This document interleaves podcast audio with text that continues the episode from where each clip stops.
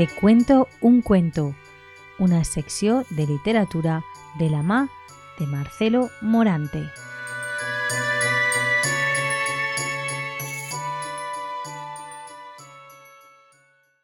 Bienvenidos un día más a la sección de la Tegua Radio Te cuento un cuento.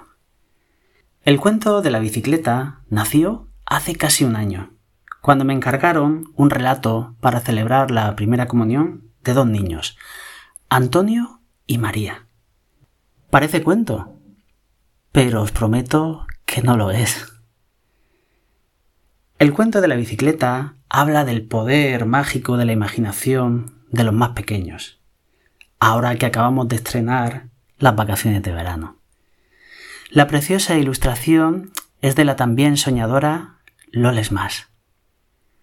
Y como siempre, dulces sueños. Érase una vez un niño y una niña que jugaban entretenidamente en el patio de la casa de sus abuelos. Era la época más hermosa del año. El verano acababa de empezar y tenían por delante todo el tiempo del mundo para divertirse sin preocupaciones. Jugando a los aventureros, los niños se introdujeron en el viejo almacén donde el abuelo guardaba los cachivaches viejos. Una vez que sus pequeños ojos se acostumbraron a la oscuridad del lugar, encontraron, arrumbada en un rincón, una antigua bicicleta. La bicicleta, todo hay que decirlo, había vivido tiempos mejores y aunque estaba un poco oxidada y con las ruedas a medio hinchar, los niños decidieron que esa tarde iban a montar en bici. ¡Yo primero! ¡Yo primero! exclamó feliz el niño. Solo un par de vueltas al patio y te dejo probar a ti. El niño, sin dar tiempo a responder a su prima, cogió la bicicleta y ceremoniosamente se subió en ella. En cuanto empezó a pedalear, se produjo una misteriosa transformación y Antonio, que así se llamaba el niño, se encontró como por arte de magia vestido de ciclista profesional, con un maillot amarillo y disputando la victoria en la última etapa del Tour de Francia en los Campos Elíseos.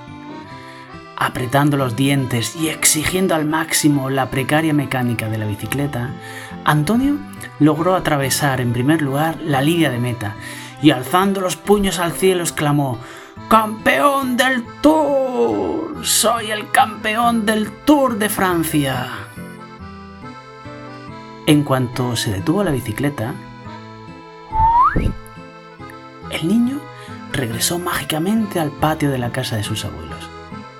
María, que así se llamaba la niña, ansiosa, le dijo a su primo, Ahora me toca a mí. Esta bici es mágica, María, confesó Antonio con los ojos como platos.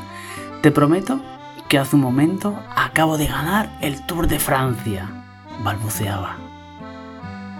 María, con cara de incredulidad, se subió a la bici y apenas empezó a pedalear, apareció mágicamente en la avenida central de Disneyland París, vestida de mini, y saludando al numeroso público que asistía al desfile de la tarde. Y no estaba sola.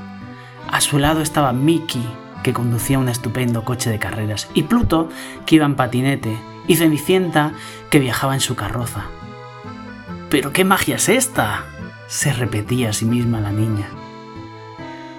Un minuto después, cuando el hechizo ya había terminado, María estaba de nuevo de regreso en el patio de la casa de los abuelos. Los niños, como locos, se abrazaron, proclamando al mundo su alegría. ¡Tenemos una bici mágica! ¡Tenemos una bici mágica! Gritaban a todo aquel que quería escucharles, sin saber que en realidad no existe magia más potente que la imaginación de los niños, ni espectáculo más hermoso que las risas de los más pequeños. Marcelo Morante.